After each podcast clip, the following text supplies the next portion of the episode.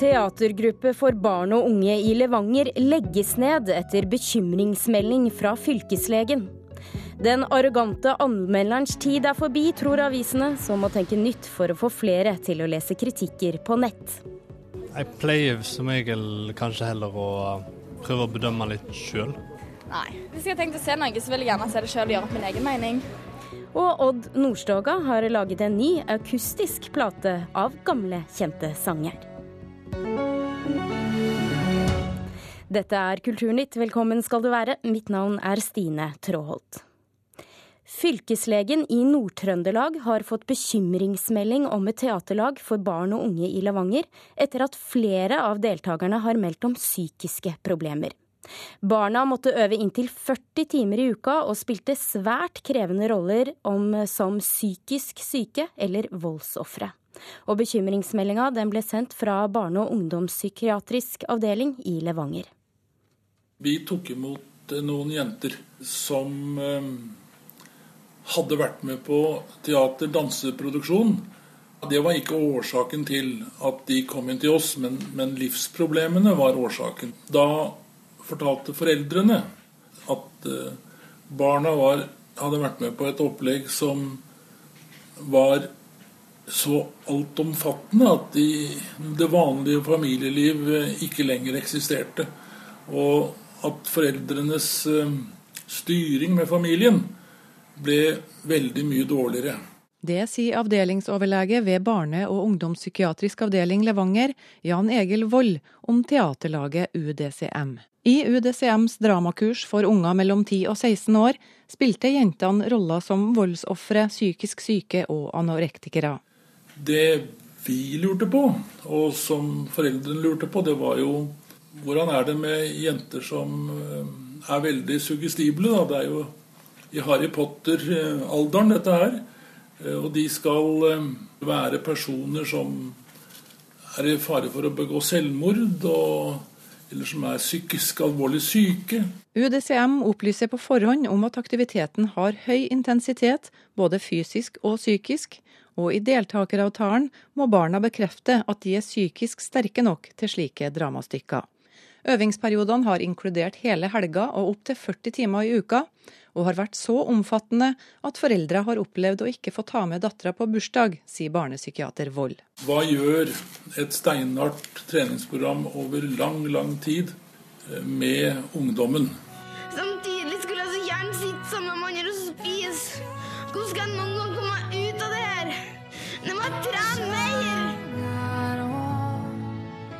Det var utdrag fra reklamen for forestillinga Stille skrik, som også fylkeslege i Nord-Trøndelag Marit Kverkel har sett. Det er viktig å si at vi har ikke noe tilsynsansvar eh, for en sånn virksomhet. Men det var informasjon i brevet fra barne- og ungdomspsykiatrien som gjorde at vi tok kontakt med eh, virksomheten for å høre videre hva det her var. Fylkeslegen ba UDCM redegjøre for sin virksomhet, og i sitt svar skriver prosjektleder bl.a. at foreldrene var klar over at barnet eller ungdommen ville bli eksponert for eller selv spille roller med psykiske lidelser eller voldelige hjemmesituasjoner. Videre at foreldre som har vært i tvil og søkt råd, har fått høre fra fagpersoner at deltakelse kan ha en positiv effekt på psykisk helse. Det var en fyldig redegjørelse, det. Og da ga vi tilbakemelding. Det vi sa, var det at uh, når du får en bekymringsmelding uh, fra uh, spesialister innen psykisk helse til ungdommer, da må du ta det på alvor. UDCM ville ikke stille til intervju med NRK, men i en mail skriver prosjektleder følgende. Selv om vi etter redegjørelse til fylkeslegen kan fortsette vår virksomhet, så er vi likevel kommet til at situasjonen er blitt for belastende. Ikke minst for våre egne barn. Det ligger et stort engasjement og mye frivillig og idealistisk innsats bak UDCM. Det er derfor med tungt hjerte vi nå kommer til å legge ned teatervirksomheten. UDCM har også lagt ned Facebook og hjemmesida si, samt sletta videoer på ulike plattformer. Vi trodde ikke at teatergreiene var årsaken til alle problemene, men, men, det var et fenomen vi ikke hadde sett før, og som hadde ganske stor påvirkningskraft på jentene. Spørsmålet er litt grann, hva slags tema kan du bruke på unge jenter på 10-12-14 år.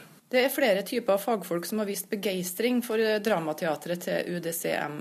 Hva tenker du om at psykologer f.eks. gir skryt og legitimitet til en slik type teater for barn? Ja, Det er vanskelig å svare på. Eh, spørsmålet er jo vet de hva det dreier seg om. Altså Hvis du leser den psykiatriske litteraturen, så er det få steder hvor det har vært mer feilskjær enn i psykodramabutikken. Kaller du det her å rydde opp? Du er forkastelig. Det er òg viktig å si at for oss er dette ikke noe fritidsvirksomhet. Dette her er en veldig spesiell virksomhet eh, som kan gjøre at eh, ungdommene opplever belastninger. Vil du anbefale foreldre å melde barna sine på en slik type fritidsaktivitet? Mine barn hadde ikke fått lov. Det sa til slutt avdelingsoverlege ved barne- og ungdomspsykiatrien i Levanger, Jan Egil Vold. Reporter var Sigrun Hofstad.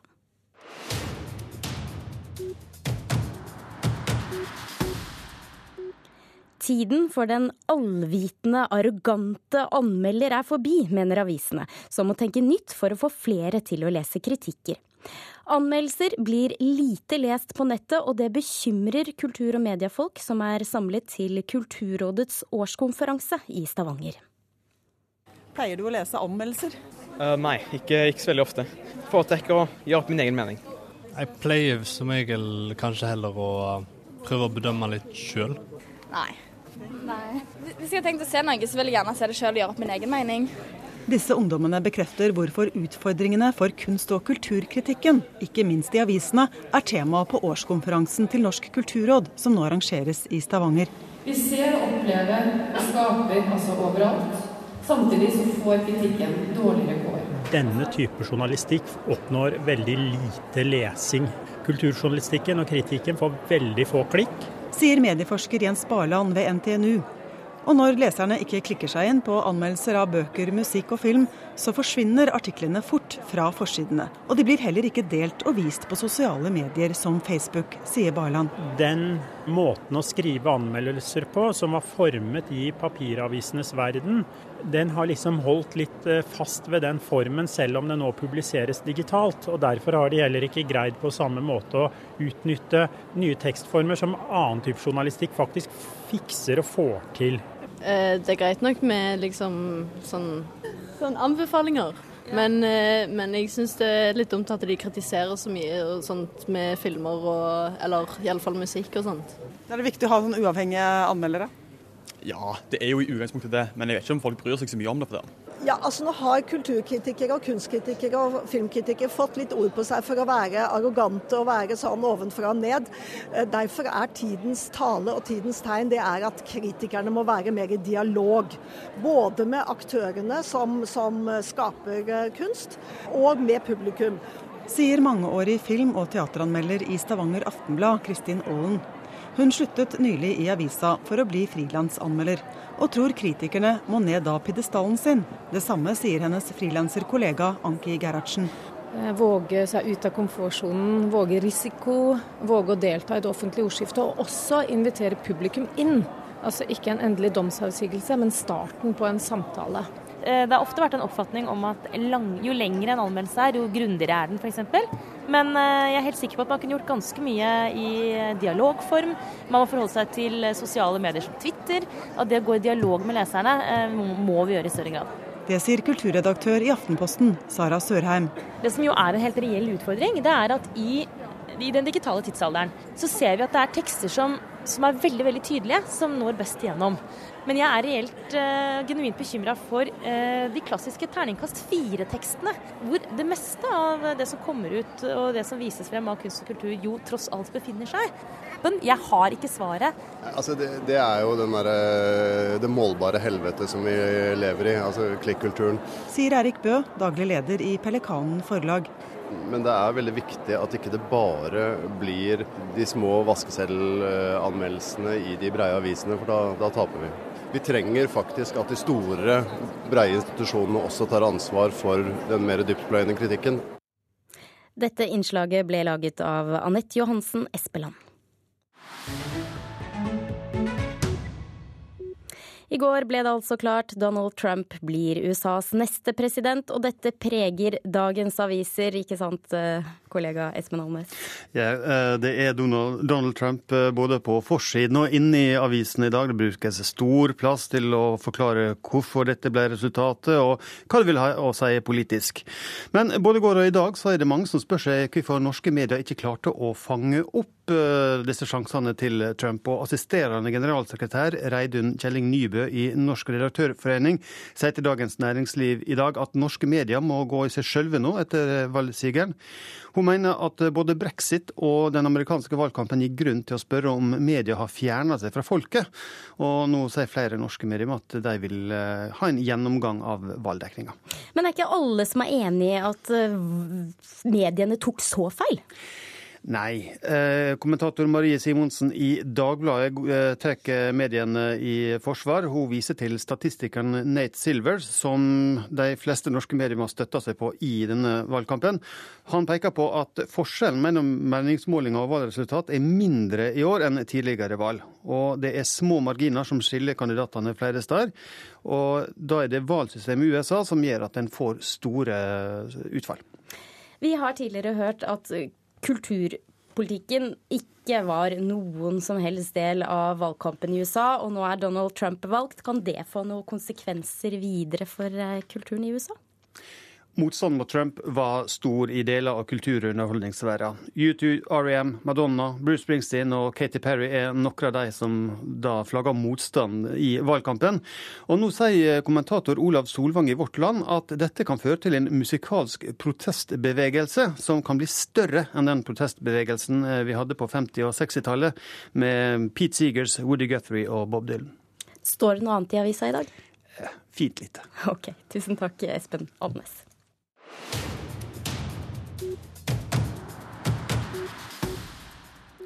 I morgen har filmen 'Arrival' premiere over hele verden, og det også i Norge. Og den har en frisk vinkling på et velkjent tema på film, nemlig besøk fra verdensrommet. Men NRKs filmkritiker Birger Vestmo synes likevel at dette er både smart, tankevekkende og voksen science fiction. Are days that define your story beyond your life.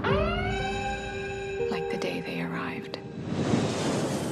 Det fins mange filmer om hvordan menneskeheten forsøker å kommunisere med besøk fra verdensrommet. Likevel greier Arrival å fortelle en slik historie med en frisk, spennende og original vinkling. Regissør Dennis Villeneuve har laga et betagende drama som er sjølve motsatsen til effektsirkus à la Independence Day. Arrival er smart, tankevekkende og voksen science fiction med en troverdig tilnærming til hvordan vi ville ha reagert dersom utenomjordisk intelligens tok kontakt.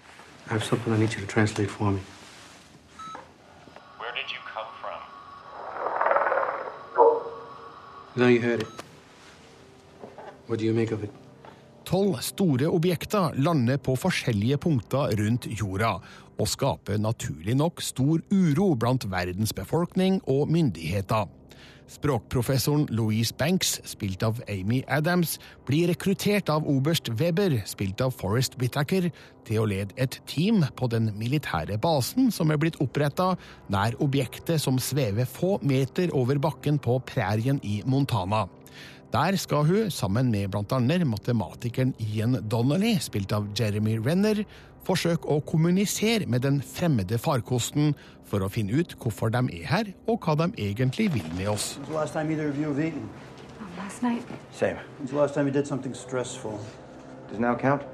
Arrival er forma som et stillfarent drama med en jevn spenningskurve som inviterer til nysgjerrighet og refleksjon. Regissør Villeneuve holder igjen informasjon og lar det dryppe over oss, slik at man ikke får den store oversikten for tidlig. Hovedpersonen gis en bakgrunn som gjør at man forstår hennes innstilling til oppgaven, hva hun har å frykte, og hva som står på spill. Utviklinga holder på nysgjerrigheten og følelsen av å stå foran noe helt nytt og fremmed. Filmen er intelligent fortalt av Villeneuve etter et manus av Erik Heiserer, basert på Ted Chiangs novelle 'Story of Your Life' fra 1998. Everything you're doing there, I have to explain to a room full of men whose first and last question is how can this be used against us? Det er òg ting i historien jeg med vilje ikke nevner, slik at du skal få oppleve det sjøl. Noen av elementene krysser riktignok grensa til det absurde og bryter med logikken i filmens etablerte univers. Men det her endrer ikke det faktum at Arrival er imponerende science fiction, og det er betryggende ett år før Dennis Villeneuve kommer med oppfølgeren til en av sjangerens aller beste, nemlig Blade Runner. It's a good story. Thanks. Arrival ble anmeldt av Birger Vestmo. Klokken er 19 minutter over åtte, og dette er nyhetsoverskriftene denne morgenen. I USA har flere tusen mennesker i natt protestert i gatene etter at Donald Trump ble valgt til USAs neste president. Trump er i gang med å sette opp sin liste over regjeringsmedlemmer. Norske banker har gjennom rapporter til politiet om mulig hvitvasking også avslørt terrorfinansiering, bekrefter Økokrim. Og det kalde været fortsetter, og det gjør også økningen i prisen på strøm. På to måneder har kraftprisen økt med 67% Han maler bilder med død menneskehånd og skaper kunst av dyreblod og kreftceller. Og få har klart å provosere som Morten Viskum. Og nå vises en omfattende utstilling med hans selvportretter på Haugar Vestfold kunstmuseum. Kunstkritiker Mona Palle Bjerke, Viskum er omtalt um, for mange, og sånn sett kanskje også ganske kjent. Men hva vil du si om kvaliteten på det han gjør? Altså, han er jo en som uh, søker oppmerksomhet der han kan få det. Uh, og han er, han, det er jo en sånn sensasjonslyst i bunnen her, som kanskje av og til kan ta litt fokus vekk fra det han skaper. Fordi han da kaster seg ut i reality-TV. Han har jo meldt seg på uh, for å se en henrettelse i Texas. Men alt dette litt sånn tabloide som omgir han veldig ofte, det kan ikke ta bort det faktum at det er en veldig interessant kjerne i det Morten Viskum gjør. Han insisterer på døden. Det er på en måte klangbunnen i alt han gjør. Og han eh, på en måte trekker frem dette som vi kan jo si er vårt siste store tabu. Eh, vår, vi flykter jo gjennom vår, vårt skjønnhetshysteri og vårt ungdomshysteri vekk fra bevisstheten om døden. Og han har dette memento mori veldig veldig sterkt i all sin kunst. Og dette er jo en tematikk som har eh, fulgt kunsten gjennom århundrene. Og det er veldig interessant. Og nå heter utstillingen Selvportretter. Hva slags selvportretter lager han nå? Ja, Hver fødselsdag den 2. februar så reiser han til Paris og får laget da en voksdukke, avstøpning av seg selv. Og her gestalter han hvert år en ny rolle, for det er ikke bare et portrett av han selv, det er også da et bilde av en annen. Eh, og da har han vært alt fra Jesus Kristus med utstrakte hender, han har vært muslim, knelende foran Koranen, han har vært eh, bodybuilder med overdimensjonerte, liksom gulbrune, svulmende muskler, eh, og han har vært kapitalist. Og han har altså en tendens til å treffe veldig godt, for han går jo inn i de aktuelle politiske, samfunnsmessige tematikker i disse selvportrettene. Blant annet så var han jo da tigger, knelende skitt liten tigger midt mens den uverdige diskusjonen om et tiggeforbud raste. Og også var han eh, Mohammed al-Gaddafi i 2011, eh, hvor eh, konflikten i Libya raste som verst, og hvor han var ettersøkt og avsatt. Så han har klart å sette disse portrettene inn akkurat mens, mens eh, debatter har rast som verst. Blant annet var han jo også Anders Behring Breivik som klovn i 2012. Et eh, selvportrett eh, som gjorde sterkt inntrykk på mange. Og i år så treffer han bedre enn det mange kanskje ville tro i går. Absolutt. Han har nemlig valgt Donald Trump. Og det er veldig sterkt, fordi her ser vi også fordi Donald Trump er jo en mye mer korpulent kar enn Morten Viskum. Og selv om det er hans kropp som er utgangspunktet, så er det noe med håret ikke sant? og øyebrynene, dressen, måten han står på, som likevel gjør at vi umiddelbart identifiserer det som Donald Trump. Han har da laget en helhetlig installasjon med en litt sånn ribbet, halvveis ødelagt frihetsgudinne i bakgrunnen, og også det amerikanske flagget som ligger på gulvet som et bilde på et Amerika som kanskje er litt på fallende fot da med dette perspektivet at Donald Trump kan bli president. Og nå vet Ble. vi jo at han faktisk ble det. ja.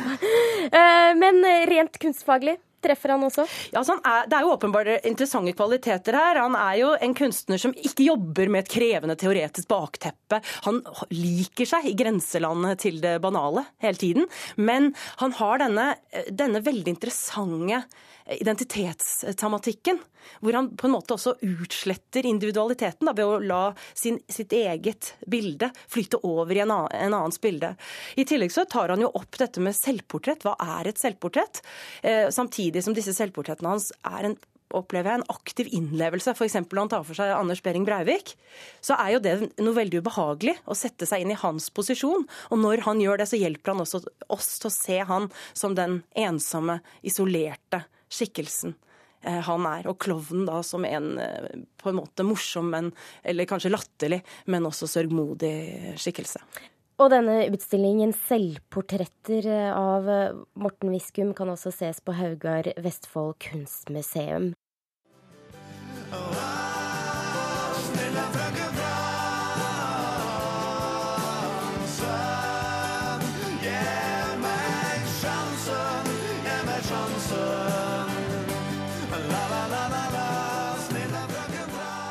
Og der hoppet vi rett inn i en av Odd Nordstogas velkjente låter, 'Frøken Fransen', slik vi har lært å kjenne den. Men nå er den en av mange av artisten har spilt inn på nytt, i en øh, nedstrippa versjon, og da høres det slik ut. Frøken Fransen, denne sangen synger galler mest for ting. Og jeg har sett deg mange ganger, men du kjenner ikke meg. Frøken Fransen, du er med i tusen TV-program der de taler kjapt, trygt og lett å si Odd Nordstoga, kan man si at du er kledd av frøken Fransen? Eh, ja, det, det kan han kanskje si. Nå har du altså laga en ny plate der du rett og slett har spilt inn mange gamle, kjente sanger på nytt, men da i en akustisk versjon. Hvorfor vil du gjøre det?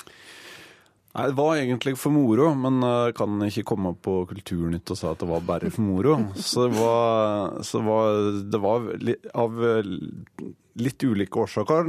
Eksempel eh, Frøken Fransen som jeg hørte på nå, den, den kan liksom sønnes veldig slik på en annen måte. Mye mer slik intimt, og da får en liksom fram den kanskje en sterkere slik sårhet eller den andre versjonen.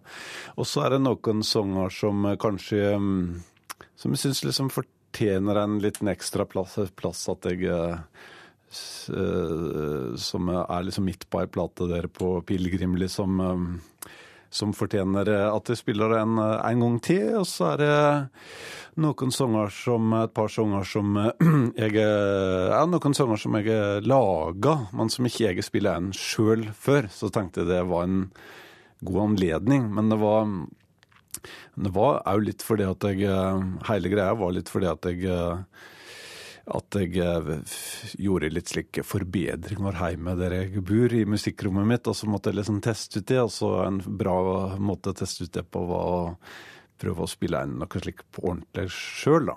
Og da ble det slik. Er det derfor du har kalt plata 'Aleine heime'? Rett og slett. Og det har du vært mye av de siste? Jeg har vært litt aleine hjemme, ja. Jeg og katten. Du og katten, ja. Men du, i et intervju med Adresseavisen for et år siden, så sa du at samfunnsmessige problemstillinger, ligger til grunn for mange av låtene dine. Og da lurer jeg på, når du får vite at Donald Trump blir president i USA, sånn som i går, bobler det da over av kunstnerisk inspirasjon for deg? Uh, Iallfall når det skjer litt slik tydelige, voldsomme ting i samfunnet, så, så kan det liksom trigge liksom et, en eller annen idé. da. Så jeg må innrømme det at jeg, jeg måtte jo benytte anledningen til å se om jeg fikk til noe ut av li- at vesle sjokkarta opplevelsen i, i år tidlig når det plutselig var Donald Trump som var president. Så jeg lager en låt, men jeg vet ikke om den kommer ut noen gang. Men den heter Halv fast. Og kan du fortelle litt mer om Halv fast? Nei, det var liksom eh, Det var et eller annet med at hvis alt gjeng åt, sko, åt skogen, så får en bare ta, ta seg i bilen, kjøre langt ut i, på et hus til fjells eller inn i en skog, og der er det er dødsnoren, og der ser du sjor eller side tre, og der er det trygt og godt, og så får det gang som det gjeng her i verden.